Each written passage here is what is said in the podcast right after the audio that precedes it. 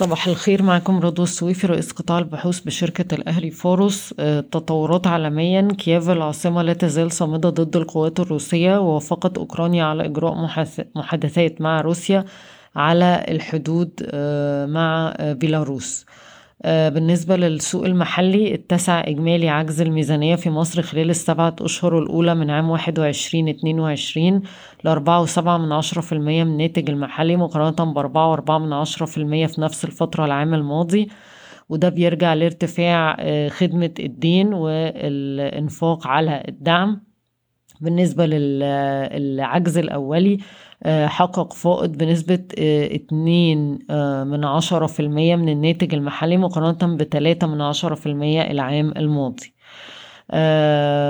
وزارة التموين قالت إن في 14 سوق بديل لتوريد القمح لمصر بما في ذلك الولايات المتحدة وفرنسا ورومانيا وكازاخستان وألمانيا. القبضة الكويتية طلعت نتائج أعمال تعتبر جيدة جدا وموافقة للتوقعات آه، بالنسبة للعام المالي عشرين واحد وعشرين. الأرباح آه، المنسوبة للشركة 171 مليون آه، دولار أمريكي بارتفاع 47% على أساس سنوي والإيرادات 833 مليون دولار بارتفاع 38% على أساس سنوي.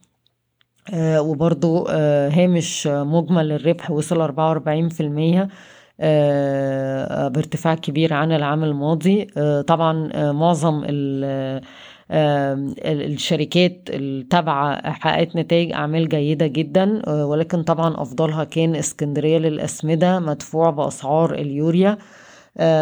برضو سبريا حققت تصدير نسب تصدير عالية جدا و NAT Energy ارتفعت توصيلات المنزلية بالغاز الطبيعي ومساهمات متزايدة من آه بيع آه الكهرباء.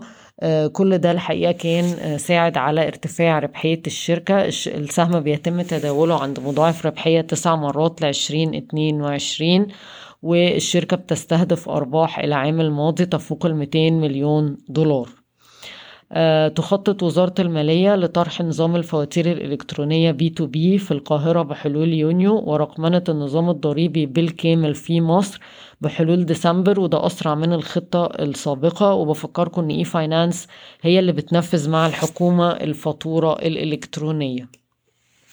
بالنسبة لمبيعات السيارات في شهر يناير ستاشر وتسعة من عشرة ألف سيارة بارتفاع تلاتاشر في المية على أساس سنوي بس هو أضعف من ديسمبر لأن آه، في ناس كتيرة اشترت في ديسمبر آه، ترقبا لزيادة الأسعار في العام الجديد فانخفض عدد العربيات في يناير تلاتين في المية عن الرقم بتاع ديسمبر اللي هو كان اتنين وعشرين ألف سيارة تقريبا.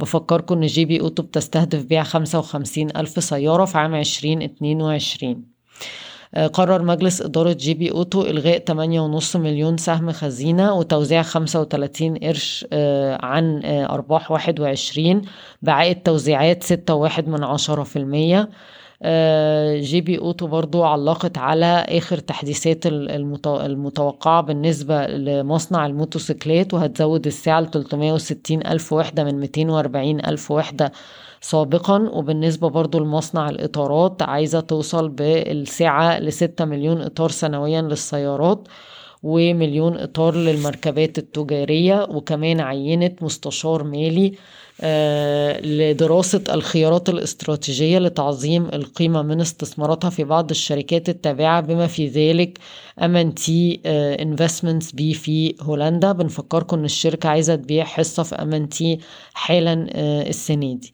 آه، مجلس إدارة كليوباترا هيشتري أسهم خزينة بحد أقصى عشرة في المية آه، هيبدأ في سبعة من امبارح من سبعة وعشرين فبراير والسهم بيتم تداوله عند خمستاشر مرة مضاعف ربحية لعشرين اتنين آه، رميضة بتناقش لسه توزيع أرباح من عام عشرين واحد وعشرين والسهم بيتم تداوله عند اتناشر ونص مرة لعشرين اتنين وعشرين. بنك تنمية الصادرات طلع نتائج أعمال ضعيفة على أساس سنوي 185 مليون جنيه في الربع الرابع بانخفاض 17% على أساس سنوي 626 مليون جنيه في 2021 ارتفاع 31% على أساس سنوي بسبب التضخم الكبير جدا في المخصصات ومعدل الضريبة الفعلي. كمان بفكركم إن البنك هيعمل زيادة رأس مال على مرتين علشان يوصل برأس المال للخمسة مليار المطلوبة من البنك المركزي والسهم بيتم تداوله عند مضاعف ربحية أربع مرات لعام عشرين اتنين وعشرين. Contact Holding عندها أسفة Contact Holding عندها حصة سوقية آه، آه، خمسة وأربعين في المية آه، من إجمالي التمويل الاستهلاكي في مصر بمحفظة أربعة وأربعة من عشرة مليار جنيه وراها valU بمحفظة اتنين وتلاتة من عشرة مليار جنيه وراها Premium International بمحفظة واحد وأربعة من عشرة مليار جنيه. مجلس الشيوخ ووافق على قانون التأمين الموحد الجديد وده طبعا هيعمل مفروض طفرة في آه، حجم نمو قطاع التأمين في مصر. مصر بني سويف للأسمنت تحولت للربحية في الربع الرابع عملت حوالي خمسين مليون جنيه.